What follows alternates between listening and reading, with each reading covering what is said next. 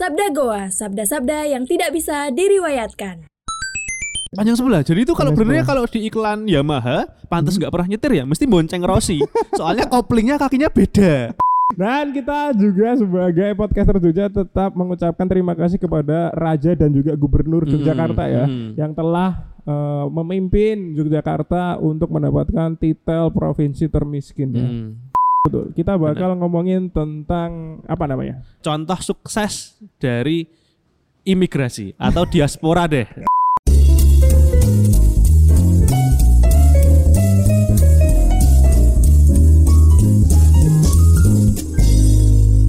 Selamat datang di podcast Sabda Goa. Sabda-sabda yang tidak bisa diriwayatkan. Tetap dan selalu bersama pasangan siniar kesayangan Anda. Ada saya Sabdi Nagara dan juga ada Ada Marujo Hakim di sini. Selamat datang warga gua semua dan mohon maaf jika suara saya agak berbeda ya. Karena memang saya sakit punggung bagian bawah ya, jadi agak Hmm. agak apa ya namanya, agak rebahan ya ini nggak Hmm. duduk seperti biasa ya. Ya, karena kabel mic masih terjangkau ya, ya Iya. nggak masalah. Tapi kenapa tuh Mas Hakim? Kenapa kok bisa kalau istilah sekarang mah jombo-jombo dini gitu kalau di Uh, Twitter uh. ramenya. Eh, mungkin karena salah posisi tidur dan nggak pernah olahraga ya. Eh, memang ya kehidupan lah ya. Hmm, Ini akibat nganggur kali ya karena nganggur banyak di kasur. banyak di kasur terus nggak gerak, jadi Hmm. kayak wah sepertinya harus memulai olahraga lagi. bergerak juga duduk di kursi yang keras karena belum punya biaya beli Corvi gaming ya Betul. buka-buka locker itu sambil punggungnya tetap Mm-mm. pegel gitu Jadi sepertinya ya ya sepertinya harus dihindari ya buat warga gua semua Hmm. untuk tidak menggerakkan badan. Jadi Ya. bukan ini adem-adem aja nih nggak ada apa-apa gitu ya Eh, cuma kalau- sakit aja di kasur Kalau dibilang adem sih sumuk ya memang karena Mm-mm. cuaca ya sumuk. bener-bener seminggu ini musim hujan udah mau berakhir Mm-mm. udah pan, apa sih peralihan tuh apa sih namanya Pancaroba. pancaroba Mm. dan tingkat kelembapan atau apa nggak tahu ya pokoknya gampang kemeringat Gampang kemeringat. gampang kemeringat Dan gampang keringat itu disertai dengan sakit punggung yang cukup luar biasa ya. Hmm. Kayaknya harus pergi ke terapi saya. ke yang Kelaten itu namanya apa Kim yang Apa? Halah, aku lupa namanya. Yang agak terkenal agak ekstrim. Jadi Kelaten tuh nggak cuma Bong Supit, Oh. Bong Supit nganu, nggak cuma Bogem itu nggak ada lagi tuh yang buat kretek-kretek pijet gitulah. Aku tahu sepertinya apa yang kamu maksudkan. Sangkal putung. Sangkal putung. Yes. Sangkal putung itu buat orang-orang itu patah tulang. Bah, buka, bahkan bukan benerin posisi itu tapi nyambungin ya. Eh, Loh, patah kan berarti ada yang tidak bukan itu bukan dislokasi loh patah tuh berarti kan ya patah gitu ya. mitosnya seperti itu. Hmm. Tapi sebenarnya kalau dilihat dari posisi eh, point of view ilmiah itu kayak misalnya patah tuh. Hmm. Patah kan itu eh, tulang tuh ya patah gitu kan. Nah, itu tuh nggak nyambungin secara eh, lurus gitu, secara Hmm. simetris tapi ya cuma Yang penting yang penting kelihatan Gaduh. lurus, betul. Ah, jadi sebenarnya secara ilmiah tempat tersebut gitu ya itu banyak ditentang sebenarnya metodenya tapi emang ada ideologi tradisional gitu yang wis rono wae yang penting sembuh. Betul. Lebih ke mempercayai malpraktek ya. Itu tapi kan malpraktek yang terstruktur dan sudah turun temurun gitu. Kalau disuruh eh, buktinya apa ini kalau misal kita ke sana terus tanya buktinya apa ini kalau ini emang beneran secara ilmiah ini manjur gitu. Mesti ya jawaban mereka ya ya pelanggan saya nggak apa-apa. Ah, itu loh. Dan itu sudah berpuluh-puluh tahun. Jadinya ya ya iya sih pelanggannya nggak apa-apa selama selama puluhan tahun. Mm-mm. Tapi ada banyak juga kasus di mana kalau eh, dari sangkal putung itu ya emang sembuh gitu loh. Kakinya lurus lagi. Ya tapi makanya itu argumen ilmiah bukan, terkuat bentar, belum kayak sampai. gitu. Kakinya lurus emang lurus ya, Ah. tapi eh, beda eh, panjangnya kiri kanan. Ya, ya ini Lego salah beli kan, kan. Udah kayak salah seri tau gak sih? Salah Beda seri. ukuran tapi dipasang Beda gitu. ukuran salah dipasang. Jadi eh, kayak tumpang tindih gitu Hmm. tulangnya. Ya nyambung sih nyambung, tapi Gak ya apa-apa. cuma Ada pemain Brazil aja. namanya itu Garinka, Oh iya benar. zamannya Pele. Mm-mm. Itu juga kalau nggak ada Pele dia yang paling jago itu. ya soalnya dia salah hidup aja di masa ke masanya Pele. Maksudnya dia terbaik lah. Nah ini sebenarnya terbaik juga. Dan itu kakinya juga beda panjangnya game. Nggak Jadi apa-apa. kekurangan itu emang eh, membatasi banyak orang kecuali Garinka. Jadi yang lain ya kasihan. Saya nggak saya nggak bilang yang lain nggak apa-apa. Emang yang beruntung Garinka doang. sama satu lagi ada, Ada apa? komedian asal Indonesia, Komeng. Komeng, Komeng juga kakinya eh, panjang sebelah dia. Panjang sebelah. Jadi itu kalau benernya kalau di iklan Yamaha, pantas nggak pernah nyetir ya, mesti bonceng Rossi. Soalnya koplingnya kakinya beda panjangnya, nggak bisa mencet kan satunya berarti. Jadi job desknya bonceng Valentino Betul. Rossi pas itu ya. Jobdesknya bonceng uh, Rossi Lorenzo sama juga kan. uh, sama itu pakai kaos sobek-sobek. Coba-coba sambil ngomong semakin di depan. Udah itu. Soalnya emang kalau mencet kopling agak susah kan kalau panjangnya beda. Bener juga ya? Iya. Masuk akal juga. Oh, saya baru kepikiran ya. Ya nggak apa-apa lah ya. Kadang emang Makanya eh, dia hal-hal- temenan sama Adul kali ya. kan jonjing juga. Apa? Jonjing itu bahasa tidak Indonesia? jonjing. Selisih ya? Bukan dong. Jonjing, Jonjing itu apa sih? eh, beda beda sebelah. Beda sebelah. Jonjing itu beda sebelah. Kalau misalnya cebol ya cebol aja. Oh iya emang kecil-kecilan ya. Emang kecil aja ya. Astagfirullah kita tidak Hmm. boleh Loh, eh, enggak. mendiskreditkan seperti itu. Enggak Oh, enggak, diskreditkan, biasa aja. Adul kita sukses. kita as a person loh. Ya benar. Enggak apa-apa. Nggak apa-apa. Adul sukses. Mm-mm. Eh, Al- eh, Ucok Baba sukses. Sukses. Ya enggak sukses kan juga banyak tapi. Ah. ya itu segelintir yang sukses. Iya, ya cukup eh, intermezzo yang cukup lucu ya Mm-mm. untuk mengawali podcast pada Dadakan tanpa Eh, briefing yang ini aku juga hanya dari tulang punggung Anda gitu. Bagus, bagus, bagus. Ya, tapi kita Soalnya tidak mau recent update game seminggu Hmm. ini juga aku ah, datar banget lah. Paling cuma dua kali ngumpul sama anda-anda juga kan. Cuma apa buat konten gua kira terus ya udah itulah hari-hari saya. karena ditinggal eh, Ya sudah, ya sudah. nggak usah dibahas yang itu. Gak usah. Oke, lanjut. Pribadi kok nggak pernah lu bahas pribadi ya. Eh, ini mau lanjut eh, recent update atau gimana? Langsung recent update sosial media karena kehidupan kita lagi anteng-anteng ajek-ajek aja gitu ya. Betul. Kita akan awali sebenarnya kita nggak boleh lucu-lucuan untuk Mm. mengawali ya karena memang ada berita duka ya. Mm-mm, Tepatnya- secara internasional Secara internasional tepatnya berada di Nepal ya. di Nepal dua ya kalau ini rilis Jumat lah ya berarti tiga hari lalu Empat dong. Kan sekarang hari Rabu. Rabu Kamis yo dua dong empat tiga dua Rabu Kamis Jumat dua hari lah Ya intinya seminggu ke belakang lah ya. ya Eh, kita mengucapkan turut berduka cita atas kecelakaan yang ditimpa Zeti Airlines ya. Yeti Airline Mm-mm. di Nepal jurusan ke Kathmandu Bener. bener kota ke Kathmandu ke Pokhara atau apa gitu aku baca Eh, kita nggak boleh ketawa kan berduka cita. kamu yang ketawa aku cuma nyebut kota nah itu eh, jatuh ya dan Jatuh. terus eh, kenapa bisa lebih ramai lagi di sosial media karena ada yang live Facebook di dalam pesawat ketika Betul. mau landing jadi ya emang detik-detik sebelum oleng dan jatuh gitu Ini belum landing sih, Sab. Kalau dari mau iya sebelum landing sih, kan Kalau dari videonya sih ya mungkin eh, tinggal ya seperempat lah, seperempat tapi udah dapat sinyal lah ya Iya. iya makanya bisa live Ya. mode pesawatnya dimatiin padahal Mm-mm. namanya namanya mode pesawat gitu tapi ya udah buat live gitu terus ada jadi eh, viral itu karena emang ada rekaman yang menunjukkan detik-detik jatuhnya langsung gitu sih tapi Hmm. secara investigasi dari pihak kepolisian di eh, kepolisian konsultan penerbangan dari Yeti Airlines itu Hmm. disebabkan murni human error dari pilotnya Hmm. yang eh, menukik dalam dalam tinggi yang terlalu rendah Oh. jadi belokannya terlalu tajam pas pas masih udah rendah banget gitu. Jadi Mm-mm. jadi udah udah bahaya dan gara-gara itu investigasinya dan belum dibeberkan black apa namanya black box ya. Hmm. Black boxnya itu sebab validnya itu apa. Soalnya nanti akan paling jelas tuh di black box tapi udah ketemu tapi belum disampaikan sampai hari kita tapping ini belum ada kabarnya. Jadi dipastikan menurut ahlinya ya bukan menurut kita dan netizen itu karena human error pilot bukan mas-mas Vrindavan yang nge-live Facebook. Tapi kalau Nepal itu kayak Mas-mas Perindavan ya? Emang Eh, orang Nepal tuh. Nepal itu udah campuran game kan itu kan antara Cina dan bangsa India juga ya. Jadi Hmm. ada yang secara ras mirip India, ada yang mirip Cina secara fisik. gitu. Tapi kamu pernah lihat nggak sih ada orang Cina sama orang India terus nikah gitu? Apa? Ya mungkin di Nepal ada. Itu produknya gimana ya? Aku Produk- belum lihat. Akan aku kalau lihat misalnya yang Afro Amerika gitu kan, Hmm. orang Amerika terus nikah sama orang eh, Afrika gitu jadinya tahu. Terus Hmm. ada orang Indo sama Cina jadinya kayak Tetap Chinese gitu. yang kuat ya ternyata. Loh, Enggak, ini kan secara fisik kita ngomongin aja Iya. gitu.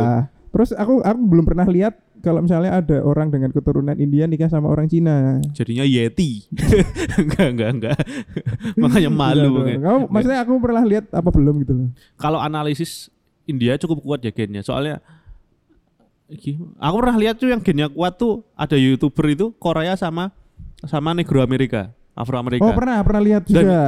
Ternyata kuat semua. Maksudnya Iya, secara iya, iya, iya, secara tone warna ikut yang Afro American, jadi Hmm. lebih gelap. Hmm. Tapi wajahnya Korea banget. Iya, aku pernah lihat itu juga. Jadi, Sipit gitu Sipit, kan. bibirnya nggak tebel ini bukan Mm-mm. rasis loh. Emang Oh. menggambarkan Mm-mm. kita dikatain kulitnya coklat juga nggak masalah. Emang emang Mm-mm. fisiknya gitu. Ya, jadi ternyata Asia ini ada yang kuat juga gitu gennya. Maksudnya Hmm. dari banyak eh, akulturasi budaya gitu. Ternyata emang ras negroid ini kuat gitu Mm-mm. gennya. Siapa yang bisa kalau di biologi ya dominan lah sama Hmm. resesif ya. Ini yang bisa ngalahin dominannya siapa ternyata Asia Korea itu kuat juga. Iya, iya, iya, iya. iya. Walaupun secara tone warna tetap tetap menang yang negroid gitu. Mm, Berarti habis ini kita mungkin searching eh, orang dengan keturunan Nah, kalau India dan Cina Nah, ya. kalau analisisku nih dari dari eh, tingkat melanin yang sama. Wah, Hmm. melanin tuh zat zat hitam di kulit. Mm-mm. Eh, eh, jadi kalau makanya di timur Indonesia namanya melanesia. Hmm. Soalnya melaninnya lebih banyak, Kim. Oke. Nah, melaninnya orang India kan lebih banyak daripada orang Cina. yang rasnya mirip ke Cina tadi. Mm-mm. Nah, analisisku ya nanti lebih mirip ke orang Indianya. Menurut tingkat melaninnya loh. Kalau kita lihat tadi di Afrika sama Korea. Hmm, Oke, terima kasih penjelasan biologisnya ya. Mm-mm. Sabdi Nagara, tidak sia-sia Anda kuliah jurusan biologi ya. Ya. Tidak sia-sia Anda berarti kata dan juga ikan nila ya. Ikan nila, gurame. Eh, Nggak penting kalau saya berangkat praktikum itu sebenarnya. Balik lagi ke Yeti Airline kita tetap mengucapkan turut berduka cita ya karena memang korbannya juga banyak ya. Semua meninggal kayaknya. Hmm, stop nyalahin lah Facebook lah. Stopnya.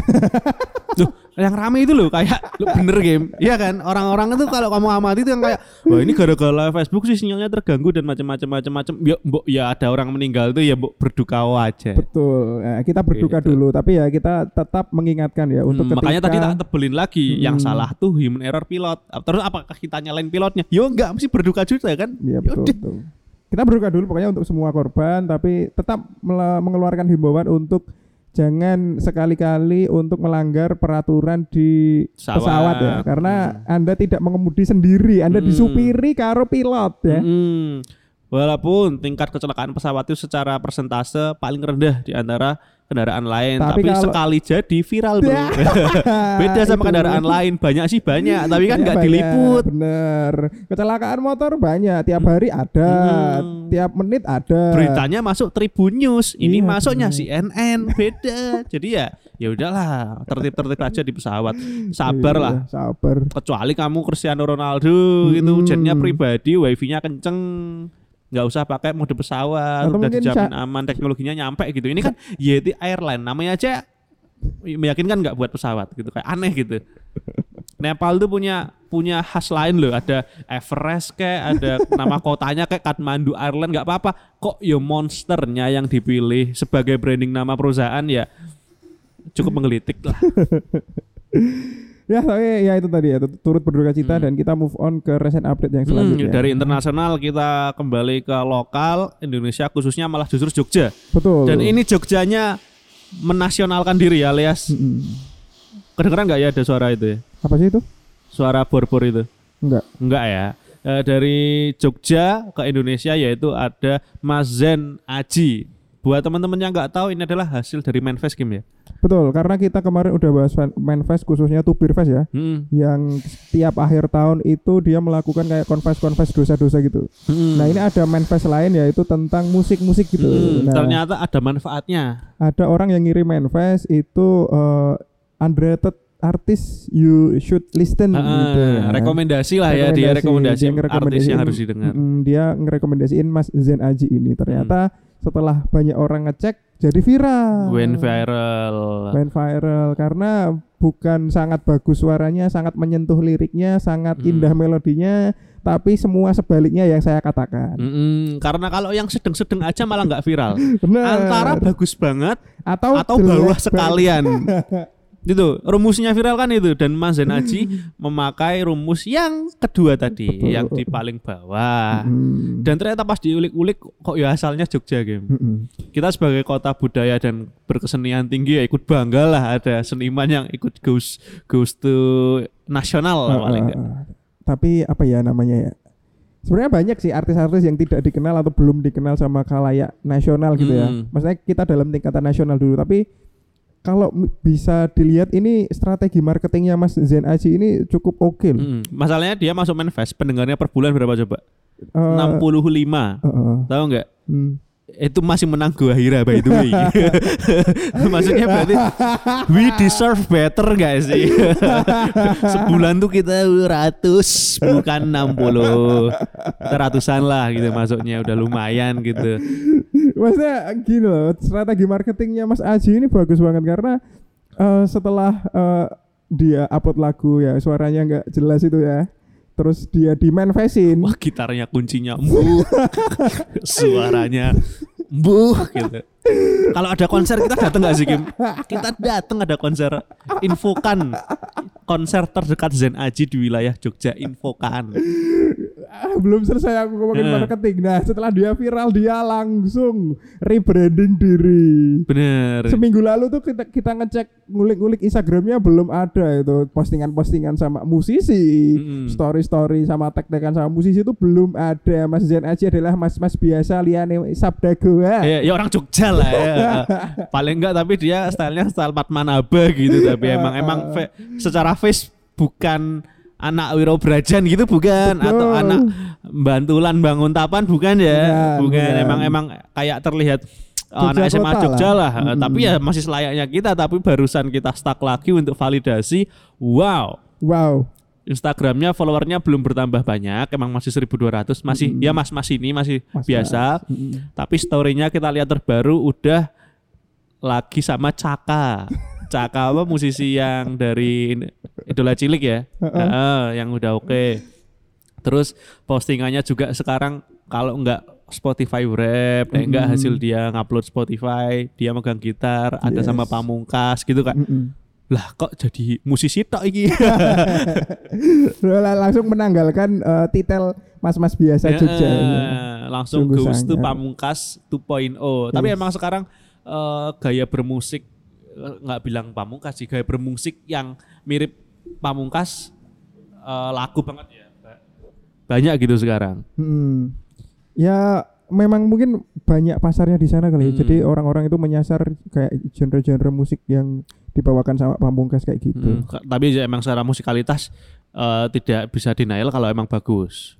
Ya. Heeh. Maksud kita walaupun nggak dengerin tapi ini not bad gitu. Not bad. Nggak nggak nggak buruk. Kalau kita bandingkan ya dengan dengan mungkin zaman kita SD kan kita udah melewati beberapa fase musik di Indonesia juga ada pernah kita dihadapi dengan Melayu Mm-mm. yang masih bisa singable walaupun ada beberapa band yang wagu. Mm-mm. Terus ada mungkin pernah pop pop banget gitu. Itu Emo. emo pernah, emo pernah itu kita SMP ya. Mm-mm. Nah, kita melewati beberapa fase dan ini termasuk yang bagusnya lebih mayoritas lah merata gitu. Betul. Tetap ada sih beberapa yang kayak Masin Aji itu tetap ada. Tetap ada. Cuma minoritas gitu. Kalau dulu kan Melayu itu beberapa bagus tapi sisanya aneh. Mm-mm. Ada yang bagus tapi minoritas gitu. Nah, Sekarang yang mayoritas oke lah. Ka- Generasinya Tulus, Pamungkas, eh, siapa lagi sih? Banyak reality club, Reality Club. Elephant Kind. Mm. Tapi Hindia ya, bahkan di Hindia hujat-hujat itu sebenarnya juga nggak buruk loh. nggak buruk, nggak buruk. Dan itu juga mungkin karena efek sosial media juga, Hmm. efek teknologi eh, yang berkembang se- secara pesat juga. Hmm, jadi banyak solo ya sekarang ya. Banyak solo. mandiri gitu dengan alat yang mereka usahakan sendiri, Hmm. produksi sendiri, bedroom singer atau apa gitu istilahnya Iya. sekarang. Itu bisa. Kalau dulu kan emang dominan harus nyari rekan gitu, nyari band, nyewa studio, Nyari label. nyari label. Sekarang bisa bisa lewat internet bahkan lewat manifest pun bisa jadi artis. Betul. Tapi kalau eh, saran dari kita ya, Hmm.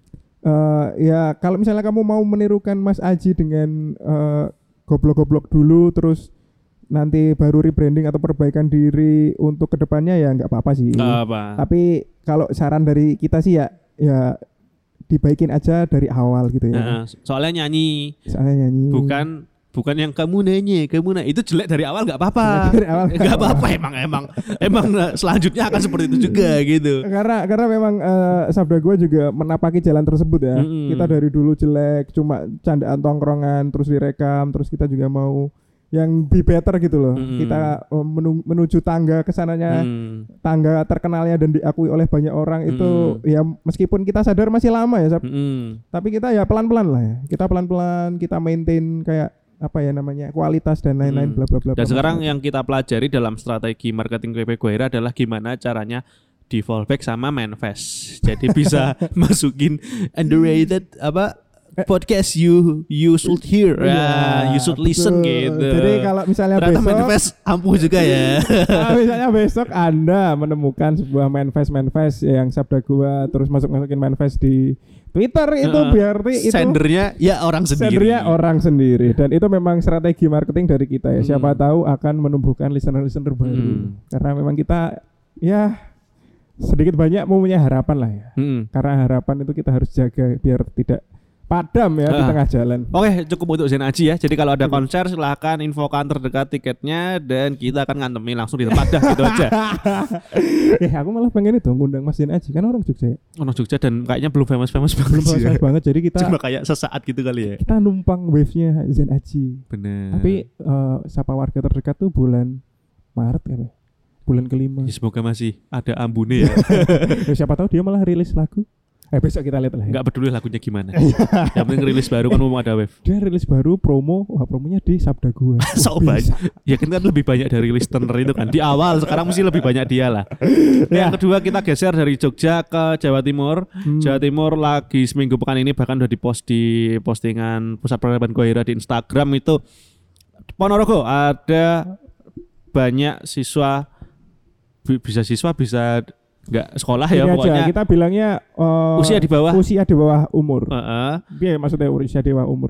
Usia di bawah umur pernikahan. Umur pernikahan. Karena nyambung ke pernikahan Mm-mm. mereka meminta adanya dispensasi pernikahan ya. Jadi bisa nikah di umur yang lebih muda dari minimal. Mm-mm. minimal di Indonesia kan kalau untuk wanita itu 21 tahun apa ya? Apa Enggak, 18 itu ya? Enggak berarti ini soalnya nggak ada target di situ juga ya. Iya. Dan kita juga sudah lewat, jadi kita sudah boleh kapan aja gitu. tapi memilih untuk tidak karena bukan bukan apa ya bukan keinginan tapi can randidit untuk Nah, terapi wae. Yang di garis bawah di sini adalah jumlahnya yaitu kemarin viral Hmm. karena sebesar 190 sekian ya. Jadi mepet 200 orang itu, apa itu, pasangan? itu Ya otomatis pasangan karena kan per- tragedinya berdua. Tidak mungkin sendiri minta dispensasi. itu di Ponorogo ya dan Ponorogo. kemarin kita bahas di postingan gua di minggu jemu ya Hmm, kita udah miss tuh dengan Miss Ponorogo yang hampir 200 orang ini minta dispensasi.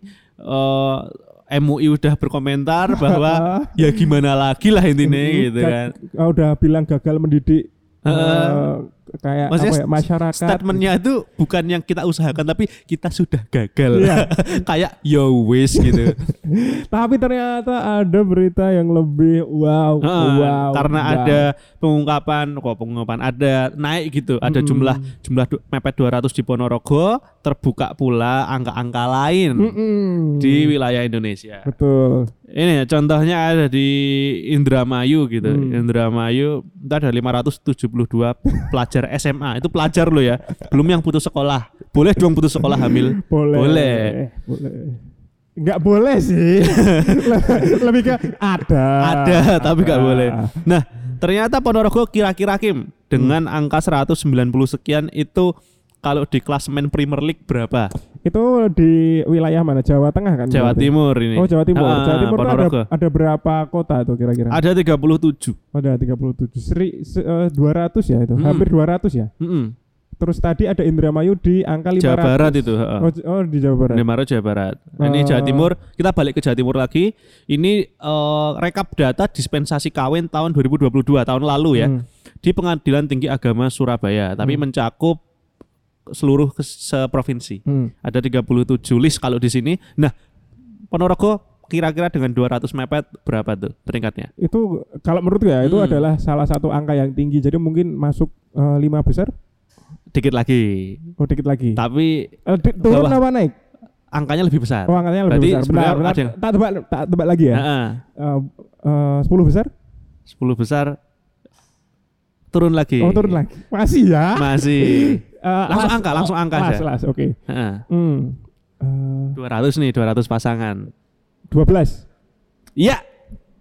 Bener depannya 2. 28. 28. Dari 37, angka 200 tadi adalah peringkat 28. Dari 37 ya? 37. Anjing. Untuk peringkat dari ber- berapa nih? Eh, peringkat tiga dulu ya? Peringkat tiga. Peringkat Kita tiga, tiga besar. Kita ya, tiga besar. Empat besar deh. Oh, ya, Zona. Liga Champion. Oke. Empat boleh. besar zona Liga Champion. Peringkat empat ada di Banyuwangi. Oke. 877. Peringkat tiga Keraksaan, nggak tahu di mana. Ini out of nowhere tapi yang meteng akeh. Keraksaan. 100 1152. Anjing seribu. Cuk. 1152 terus peringkat 2. Wah, ini perebutan klasemen ini mepetnya di sini. Peringkat 2 ada Jember game. Famous ya, ada Famous. universitas ya. Bebas. Universitas Jember 1395. Mepet Seribu- berapa? 9395. Wah, Anjing. 1300, Nah, 1400 lah. tujuh ya. kali lipat dari yang Ponorogo viral tadi. Jadi ini bisa viralnya tujuh kali. Terus Nah. pemuncak klasemen Our champion, champion. Penguasa Indonesia. Hmm. Eh, Jawa Timur sih. Jawa Timur. Belum Indonesia ini. penguasa Jawa Timur adalah Kabupaten Malang. Oh. Tadi 1300 ya, Hmm. mepet 1400. Sekarang 1455. 1000 455. anjing. tujuh kali lipat dari yang tadi tujuh kali lipat lebih lah dari Ponorogo yang peringkat 28 dan untuk daerah degradasi wilayah zona degradasi yang eh, ke 35 berarti ya dari 37 35 ada Bawean Bawean. kamu tahu pulau Bawean Se- Tahu. seberangnya mana sih? Blitar apa Kediri gitu ya? Pokoknya pulau sendiri lah Mm-mm. makanya mungkin ketemu orangnya itu itu aja. Jadi ya lu rapenak nih tonggone Heeh, terus? Ada ti- 21 Hmm. 21 aja cukup. Cukup. Terus ada wah ini 36 Hmm. Kota Madia Madiun. Nah, Madiun karena oke lah ya. Madiun lebih Madiun. baik ikut pencak silat daripada yang yangan yang liar. Betul, betul, betul. Madiun kan terkenal silatnya kan. Ah, ah, ah, ah. Ada Ja- kegiatan lain lah ya. Jadi kalau yang yangan bukan mesra-mesraan tapi ngantemi kancane. kalau yang yang kan bukan eh, melakukan kegiatan negatif, tapi Mm. sparring, Sparring. pasangan. Eh, goalsnya bukan apa gandengan Hmm. tangan rangkul tapi udah bisa jurus harimau belum? Kota Madiun itu ada 18 pasangan 18 Ya, kemudian peringkat terakhir ada di Sampang Madura. Wah ini. Ya soalnya kos soalnya kosong kosong game di Sampang pada ngerantau semua game ngerantau ke semua jadi siapa yang mau melakukan gitu kalau Berapa, berapa, berapa? 18 juga 18 juga. Ini di Sampang Madura ya. Hmm, antara pendidikan agamanya baik Mm-mm. orang tua dan agamanya baik di Madura kan emang kental kan Mm-mm. uh, keislamannya gitu terutama di dua huruf itu itu juga bisa jadi Mas Amang emang kosong pada Ah. ngerantau semua Atau mungkin pilihan ketiga. Hmm, bisa jadi 18 pasangan tuh orang di sana ada 37 jadi ada satu orang yang jomblo kan 36 nya udah yang-yangan Itu gitu. ada faktor ketiga kenapa Apa? sedikit angkanya. Eh, jadi nggak boleh yangan terus disuruh jaga warung. yang ngerantau lagi kan? Jadi emang kosong. Mungkin dihitungnya kalau melakukan di sini ya maksudnya di di daerah tempat perantauannya. Lo kan jaga warung kan anu, Bisa Bu, tidak bisa melakukan Apa pun ya. melakukan apa pun gitu Bener, loh. Makanya bener. kan kalau misalnya kita konsepnya beli, terbuka lagi warungnya kan ya kan 24 jam kan. Terus iya apalagi nggak ada kesempatan kecuali video Betul. call Makanya, makanya ketika kita setelah kita beli di warung Madura terus eh, tengah malam ke pagi buta lah aku itu pernah aku pernah itu pasti si jaga warung mesti video call entah sama siapa. aku tahu nggak tahu entah sama siapa game tapi aku pernah jam 2an gitu beli rokok kan biasa Hmm. biasa nek wong ngudut kan darurat gitu bukan Heeh. aku sih Ini branding aku orang terus ya bos jadi. Eh, pokoknya beli rokok keluar jam 2an jam 3 gitu. Hmm. ke warung Madura video callnya tuh pas aku belum masuk warung jadi mak baru parkir melet melet Sumpah. Saya tidak tahu Itu video call dengan Siapa dan membicarakan apa. Tapi setahu saya kosakata bahasa Indonesia Tidak ada yang diselingi dengan melet Gitu. Obrolan kita nggak ada yang pakai Mungkin ada lah orang Afrika Selatan pakai yang suara-suara gitu. Tapi Indonesia menurut saya tidak ada bahasa yang diselingi dengan melet dan ini pakai melet. Jadi kalau emang itu mengindikasikan gerakan menjilat sesuatu, ya nggak tahu ngobrolin apa. Mix way kan bisa, Bisa. ngobrolinnya. Atau es krim terbaru dari Walls misalnya. Bisa, Bisa, fitur kan kan? untuk kulaan baru di warung Madura betul, kan. Betul, betul. Nah, Kita nggak boleh seuzon, bro. Ya jam 3 pagi ngomongin es krim kan. Loh, topiknya kan banyak. Bener. Eh, ya, ya, bayangan teman-teman Iya. sini lah dibayangin itu kayak gimana. ya udahlah ya intinya eh, tetap kita eh, menyoroti bagaimana Hmm. sih pendidikan dari orang tua langsung ya ini. Ternyata. Ponorogo inilah hanya puncak dari apa namanya gunung es Mm-mm. yang di bawahnya masih tenggelam sangat banyak dan terutama ternyata our championnya adalah Kabupaten Malang. Betul, kita harus Udah viral dua kali nih Malang nih. nggak usah dibahas yang itu. Ya karena aku ngomong yang kedua. Nggak usah ke sana itu Iya. off, off air aja. Ya. Ini yang kita soroti adalah gimana pendidikan dari orang tuanya terhadap anak-anaknya, pengawasannya gimana. Eh, kita kita mempersilahkan kalau misalnya mau free sex tuh boleh. Mm-mm. Enggak boleh sih, silakan. kita sih menganggap bahwa kalau Anda mau free sex silakan, mau di umur berapapun kalau misalnya udah legal silakan, tapi mbok Mm. ya dibarengi dengan pendidikan seks. Mm-mm. Kalau misalnya mau eh, ngewe, kalau mau misal berhubungan seksual Yang ya aman. yang aman. Maksudnya diusahakan aman. Mm-mm. Kan akan tetap nggak tahu sih aman apa enggak, tapi kan diusahakan ada effortnya lah. Betul. Kalau dosa kan nafsi-nafsi ya.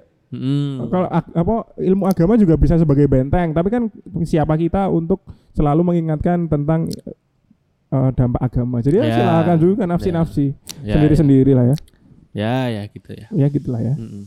Kita lanjut aja karena kita juga udah pusing ya ngomongin tentang perngewean duniawi. Hmm. Bosen lah ya. Hmm. Nah, lagi-lagi Jogja ada berita baru. Jogja kita balik lagi ke Jogja. Walaupun eh, di artikel tertentu dan berita udah lewat ini walaupun UMR-nya itu tidak terendah, Mm-mm. ya kan? Masih ada yang lebih rendah kan? Ada. Yaitu rata-ratanya di Jawa Timur dan Jawa Tengah itu sebenarnya lebih rendah dari kita, tapi untuk persentase termiskin itu jatuh kepada kita provinsi warga Jogja. Seperti yang kita tahu kita harus berbahagia dan nerimo eng pandem ya Hmm. karena eh, prestasi loh. Prestasi. Kapan lagi? Our champione lagi yang kita lagi-lagi. Kawan lagi provinsi kita disebutkan dan memuncaki sebuah klasemen ketika di ranking di 34 provinsi di Indonesia Mm-mm. sebagai provinsi termiskin. Bangga. Apalagi kamu warganya kan warga situ kan. Situ Yang- mana?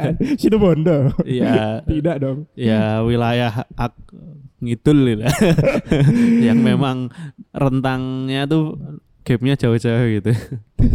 Dari yang kota gitu. Eh, eh, jadi kita akan mengucapkan enggak enggak enggak enggak apa ya, enggak menafikan fakta itu gitu loh. Ya, dan kita tetap ya sebagai eh, podcaster dari Yogyakarta Hmm. dan juga orang Jogja juga asli pure blood ya. Hmm, Orang masalah. Jogja nggak masalah. Oh, kan ada solusi-solusi lain gitu. Ya. UMR UMR seadanya kita miskin, amplas kok tetap berdiri. Lah yuk kita tuh emang wisatanya kan ke jembatan amplas ya, Iya, bukan ke benar. amplasnya. Benar. Kita ke jembatan amplas, Hmm. foto-foto dari atas lewat jalan Adu Sucipto itu difoto buat story kelihatan main. Dah terus pulang lagi. Pulang lagi Mau beli beli beli barang di amplas enggak. Hmm. Kita beli ke pasar Beringharjo. Hmm, terus ah, di mana tuh jalan jalan Kaliurang gitu atau jalan Magelang atau jalan Palagan itu banyak Hmm. diskotik-diskotik klub-klub yang otomatis ya itu bukan biaya yang murah untuk Hmm. menghabiskan malam di situ. Enggak, Wong. kita kan cukup beli cilok, cilor di Palbapang, duduk di motor, menghabiskan malam situ. Betul. Kalau enggak ya berburu klitih ya malam-malam. Berburu klitih, Biasa, ring road barat bro. gitu. Oh. Hmm, asik bro kita berburu klitih daripada harus membe- mengeluarkan biaya mahal untuk beli minum-minuman. Mm-mm. Enggak kita. Kita berburu klitih. Malah kita memberantas kejahatan loh, membantu. Bener loh. ya Oh, membantu. Saya Oh. dari dulu sampai sekarang kan enggak kelar-kelar kan klitih. Template-nya pas ditangkap pakai KLX isih enom anaknya bakul be apa tukang becak Mm. yang minta motornya nangis-nangis. Oh, nyatanya orang becak aja bisa beli KLX ya berarti Iya, mampu itu. Mampu. No, artikelnya bohong. Arti. Dan kita juga sebagai podcaster Jogja tetap mengucapkan terima kasih kepada Raja dan juga Gubernur Hmm, Yogyakarta ya hmm. yang telah eh, memimpin Yogyakarta untuk mendapatkan titel provinsi termiskin ya. Hmm. Kan tetap nerimo. Nerima yang Bandung. KTP kita kan Jogja gitu. KTP Jogja. Sleman, kamu Bantul, itu Hmm. kan masuk dalam provinsi Jogja yang kita banggakan. Betul, betul. Jadi ya selagi KTP kita sini orang lain KTP putih mas eh, real kita sini Ya. Loh, kita kan tidak menjelek-jelekan. Kita kan Hmm. berterima kasih, kita nerima Hmm. yang Bandung, kita ruang publik terbuka banyak banyak, Ah, oh. terbuka banyak. Investor-investor boleh masuk? boleh Mixue udah banyak kan. Eh, Hartono Mall ganti nama tetap gede Pakuan Mm-mm. investor banyak nggak apa-apa Nah, ya, benar. Tapi kalau misalnya ada, misalnya ada orang Jogja yang kesel gitu yang ya kesel, yang mungkin marah-marah, pengen keluar provinsi atau mungkin keluar negara sekalian, boleh juga. Heeh. Kita tidak melarang. Kita juga tidak eh, menggondeli. Apa sih Hmm. menggondeli bahasa Indonesia? Eh, menahan-nahan Ah, menahan-nahan, menahan-nahan Anda untuk melakukan migrasi ke Mm. Negara ah, lain. salah nih kosa katanya Apa tuh? yang bener imigrasi kayak Loh, kenapa? Apa bedanya imigrasi sama migrasi? migrasi itu bisa double definisi Hmm. Yang pertama bisa perpindahan eh, suatu bangsa atau suatu masyarakat itu dari negara satu ke negara yang lain, Hmm. dari tit dari titik A ke B. Hmm. Tapi bisa juga ada perpindahan eh, ke wilayah lain karena pergantian musim, alias ini untuk iwak paus dan manuk manuk yang ada di dunia ini pindah Itu- tempat karena ada pergantian musim. Itu migrasi. Itu migrasi. Kalau Kalau imigrasi? imigrasi satu definisi perpindahan dari satu negara ke negara yang lain. Nah, Nah, eh, cocok banget ya sama apa yang mau kita Hmm. ngobrolin pada kesempatan kali ini. Oh di berarti minggu- kita nyaranin ini aja Kim Eh, Destinasi imigrasinya itu ke mana yang cocok? Lo iya kan? Dengan track record negara tersebut Dapat menerima suatu bangsa dengan baik. Betul, Gitu. cocok dengan minggu ketiga bulan Januari 2023 ya. Kita Geografi bakal- antropologi. Betul, kita bakal ngomongin tentang apa namanya? Contoh deh Contoh sukses dari imigrasi Atau diaspora deh. Nah, Kalau diaspora tuh ke berbagai negara Pecah ke banyak Hmm, negara. hmm, hmm. Nah ini, ini lebih tepatnya diaspora Karena tujuannya ada di satu wilayah besar Hmm. Tapi negaranya macam-macam Yes, kita mulai dari apa ya? Mungkin eh, warga gue semua apa ya, masih masih bimbang nih kalau Hmm. mau melakukan perjalanan ke luar negeri atau mau pindah Hmm. negara ya. Hmm. Kita kasih contoh-contoh tokoh dulu. Hmm. Misalnya ada orang mana yang aslinya mana, keturunan mana, terus pindah ke negara mana, terus jadi sukses. Benar. Ada siapa aja, Sob? Ini ada yang namanya Presiden Brazil. Presiden Brazil dengan nama Mikhail Rousseff. Salah. Mikhail Temer. Mm-mm. Mikhail Temer adalah seorang eh, Keturunan Libanon heeh, yang bisa jadi presiden Brazil. Nah, Betul. tuh, bahkan keturunan eh, minoritas pun bisa jadi pemimpin negara gitu. Kalau di sini kan khusus son untuk orang Jawa kan mm. selama ini. Ada lagi, Sab. Ada lagi pemimpin Amerika Latin berdarah Arab, yaitu Mm. orang tua Presiden Argentina pada tahun 1999. Otomatis anaknya keturunan juga. Betul. Carlos Saul Menem. Saul Menem dan juga ada Mohibe Akil. Ada juga yang dari Amerika Tengah. Terus jadi tujuan orang Arab. Ada Presiden Honduras, Carlos Hmm. Flores pada tahun 2002, 2002 ya. Jadi dia Oh. bisa jadi presiden di eh, Honduras dari eh, Arab ya dia. Hmm. Jadi memang Dari Palestina tepatnya. Mm-mm. Terus ada El Salvador nih. Wah, kita negara yang jarang dibahas juga nih. Jadi ayah dari Antonio Saka, presiden El Salvador itu juga dari Palestina Hmm. gitu. Kemudian ada lagi presiden Abdullah Bucaram dari Ekuador. hmm, Terus ada Jamil Mauhat. hmm. Nah, kemudian ternyata juga Shakira mantan pasangan dari Gerard Pique dari Kolombia ya itu dan ya. juga penyanyi sukses. Mempunyai sukses di dunia. Hmm. Ternyata itu juga keturunan Arab, tepatnya keturunan Libanon. Hmm. Orang tuanya itu dari Libanon asli terus merantau ke negara lain gitu. Mia Khalifa?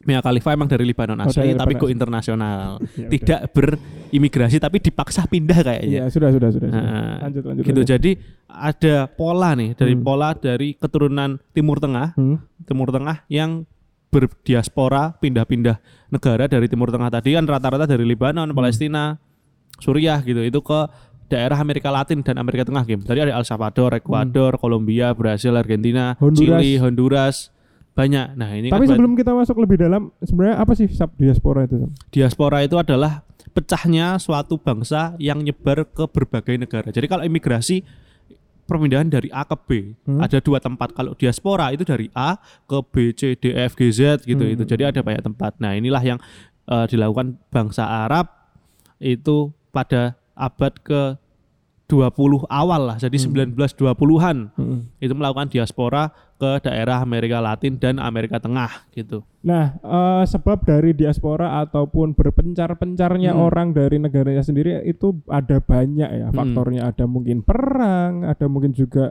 eh, rasial, permasalahan rasial juga. Ada kemiskinan mungkin Mm-mm. secara sosiokultural lagi nggak nyaman makanya Mm. pindah gitu.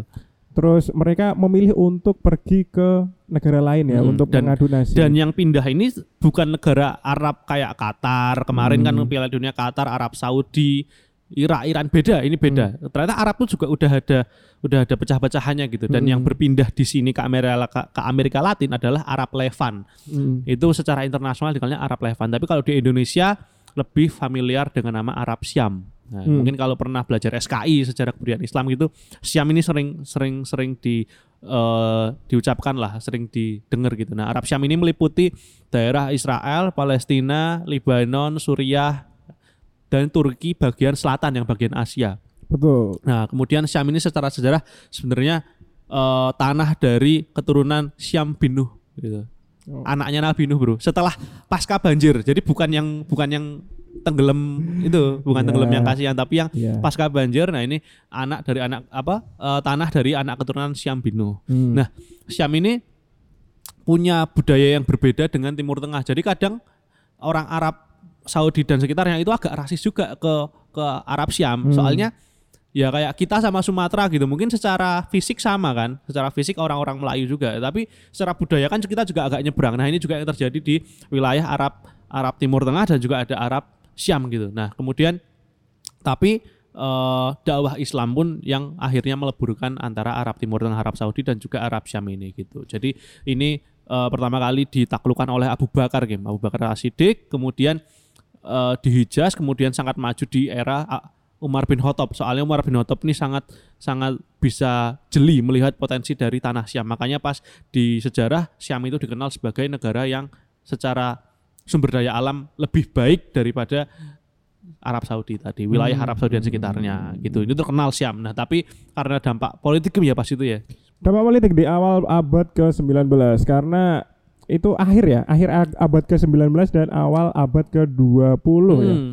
Karena memang di Ottoman itu kan eh, dulunya seperti yang sudah diceritakan diceritakan oleh Sabdi bahwa itu adalah merupakan salah satu kekuasaan Islam ya. Hmm. Lebih tepatnya Ottoman ya.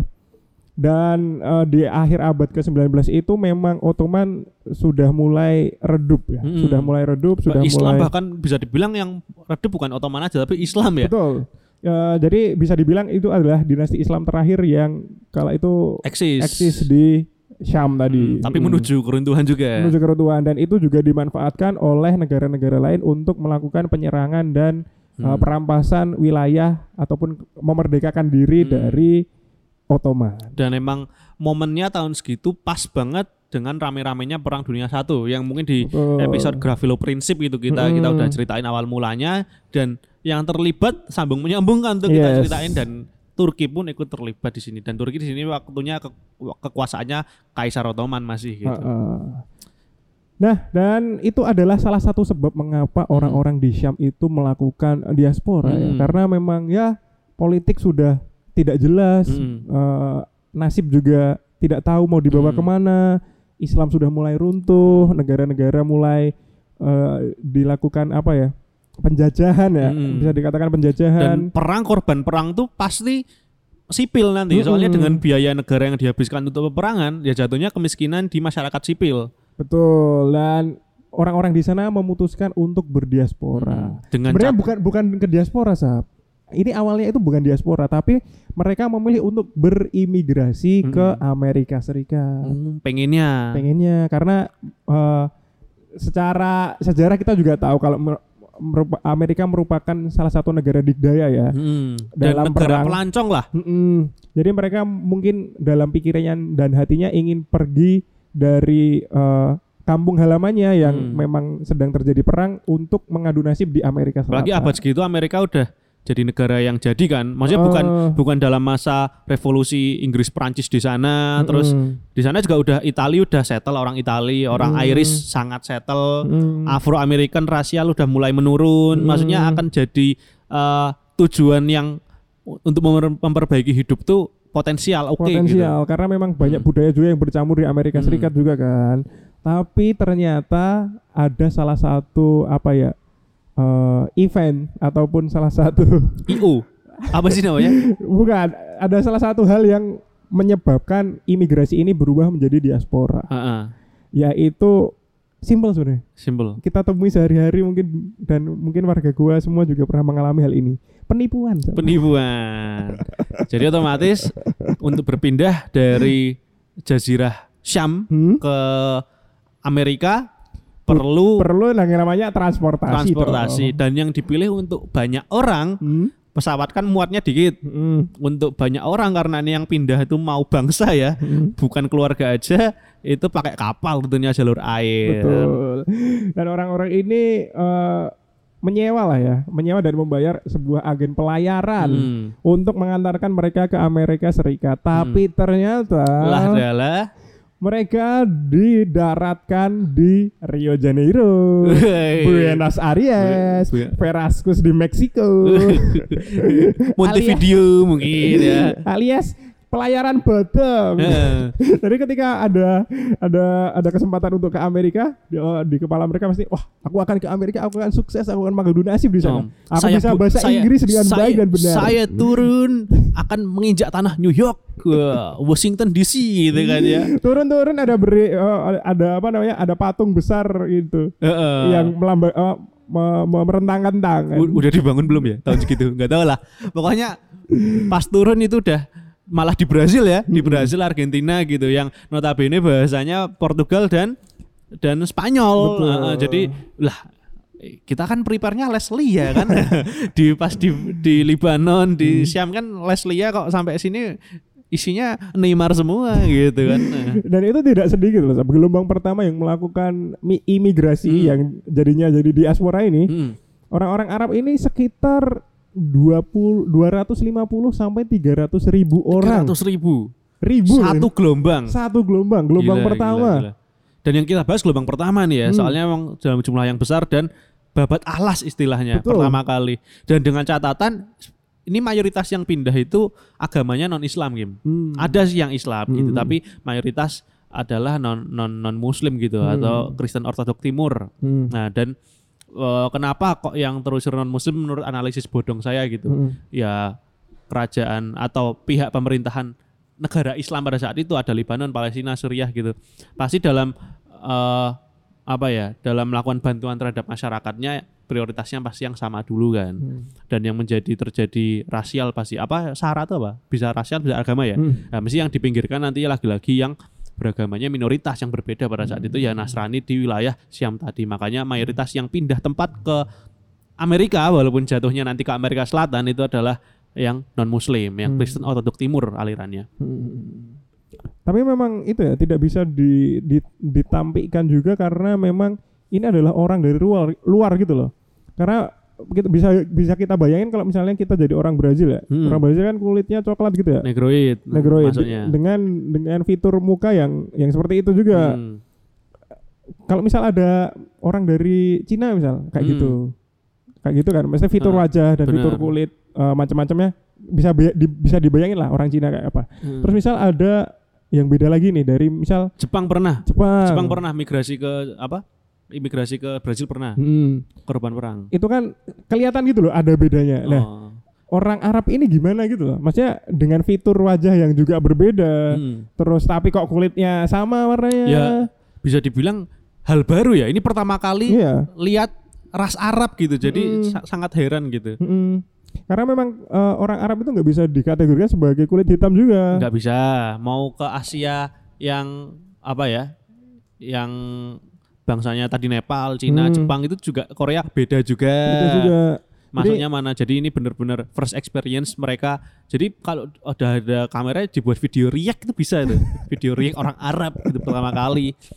Dan tentu dengan eh, mereka udah kepalang tanggung turun di Brazil, udah Hmm. ditipu, kapal udah pergi, jadi nggak bisa menuntut banyak, mereka terpaksa tinggal di wilayah tersebut, di wilayah Amerika Betul, Latin dan paling betul. banyak di Brazil karena Mm-mm. wilayahnya emang paling besar. Dan juga tidak bisa dilupakan juga kalau misalnya pendatang baru pasti akan mendapat stigma yang negatif dari masyarakat lokal ya kan bahkan sempat uh, timbul adanya xenophobia xenophobia Hmm. itu adalah ketakutan akan orang yang tidak sama dengan kita Mm-mm. nah kalau di sini konteksnya adalah orang yang tidak sama sesuku sekulit Mm-mm. semacam-macamnya itulah ya Bahkan karena memang memang masih asing banget dengan ras Arab, Hmm. itu orang Brazil membuat hoax ya, membuat Hmm. hoax bahwa orang Arab ini pendatang ini tuh kanibal. Jadi udah dirasis, di, dikatain kanibal gitu. Jadi emang benar-benar dijauhi. Tapi pada akhirnya eh bahkan sempat ada namanya perang sisir, Kim. Mm-mm. Perang sisir di wilayah eh Curitiba. Nah, Curitiba Brazil itu karena ada pihak polisi kan ini udah modern ya hitungannya ya 1900-an. Eh, pihak polisi yang beli di warung Arab lagi-lagi orang Arab pin- pinternya berdagang ya ternyata Yes. naluriahnya. Buka toko, beli sisir tapi nggak mau bayar. Hmm. Karena orang Arabnya di situ ngelawan, Hmm. eh warga Brazil di sana di wilayah malah jadi jarah 100 toko di situ. 120-an Hmm. toko ya Hmm. Jadi jadi emang eh, kelam lah sejarah bagaimana Arab berjuang untuk bisa tinggal di situ dan emang berbuah manis. Jadinya diterima bahkan secara kedudukan politik pun nggak ada bedanya sampai jadi presiden. Kenapa kok bisa? Pertama akulturasinya itu agama gitu. Secara agama di Brazil itu basisnya mayoritas Katolik dan di eh, dan pihak pendatangnya di Arab itu adalah Kristen Ortodok Timur. Hmm. Nah, yang dikenal sama Brazil tadi, loh kok ini kok cirinya kok malah mirip sama Islam gitu secara secara cara pribadi dan macam-macam. Ya gimana emang hidup berdam- berdampingan sebelumnya kan sama Islam ya, walaupun beda agama gitu. Tapi di sini mereka rela untuk meninggalkan agama sebelumnya yaitu Ortodok Timur tadi untuk gabung ke Katolik yang jadi mayoritas di Brazil. Jadi rela lah untuk untuk gabung ke mayoritas pertama. Jadi lebih mudah diterima Hmm. secara agama. Hmm. Kemudian yang kedua itu secara budaya Hmm. mereka men- menanggalkan eh, kultur Arab sama sekali untuk gabung ke kultur Amerika Latin tepatnya di Brazil dan wilayah tertentu tadi. Misal bahasa itu pada tahun kan hijrahnya tadi berapa? Hijrah ya 1920-an kan. Hmm. Itu 1940 20 tahun setelah setelah ber- gelombang pertama berdiaspora gelombang pertama itu udah nggak bisa ditemukan orang berbahasa Arab lagi di situ susah Hmm. jadi emang total meninggalkan bahasa Arab dan belajar bahasa lokal dan juga nggak ada ciri-ciri pakaian juga. Hmm. kalau di sini misal kita nggak menjelekkan di sini ya. Kita Hmm. ngasih contoh di Indonesia kan ada kampung Arab ada kampung pecinan ada kampung eh, imigran-imigran tertentu yang udah ratusan tahun lalu. Itu kan masih menonjolkan eh, budaya lokalnya. Dan nggak masalah kan itu jadi kekayaan kita juga. Misal di Cina ada bangunan eh, bergaya Tiongkok dengan budaya eh, apa tuh tahun bauran Cina ada Hmm. barongsai dan lain itu masih dirawat terus di kampung Arab juga eh, masih pakai baju gamis dan Hmm. macam-macam. Itu itu nggak masalah kita di sini. Nah, di sana tuh agar lebih cepat lagi akulturasinya ternyata ditinggalkan semua. Hmm. baik bahasa pakaian arsitektur dan lain-lain. Udah pokoknya kita eh, bergabung dengan bangsa Brazil kawin silang dengan bangsa Brazil gitu.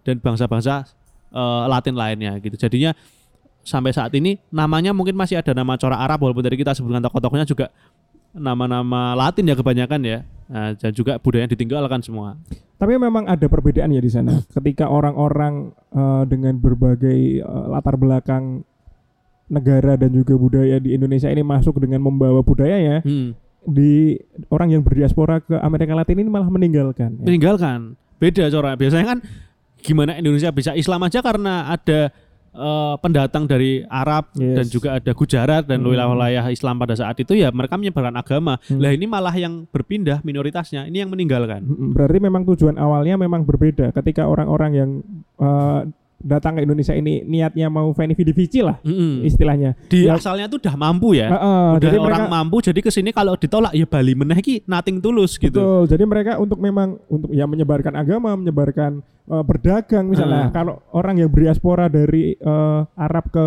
Hmm. Amerika Latin ini memang mereka mencari tempat tinggal, tempat tinggal. nyari perlindungan mereka nyari perlindungan, mereka nggak bisa pulang lagi ya betul. Jadi memang eh, ada latar belakang yang harus kita pahami kenapa Hmm. kok orang-orang Arab ini bahkan sampai meninggalkan identitas ke Arab-Arabannya untuk bisa survive dan bisa hidup di negara yang Amerika Latin Mm, tadi. Betul.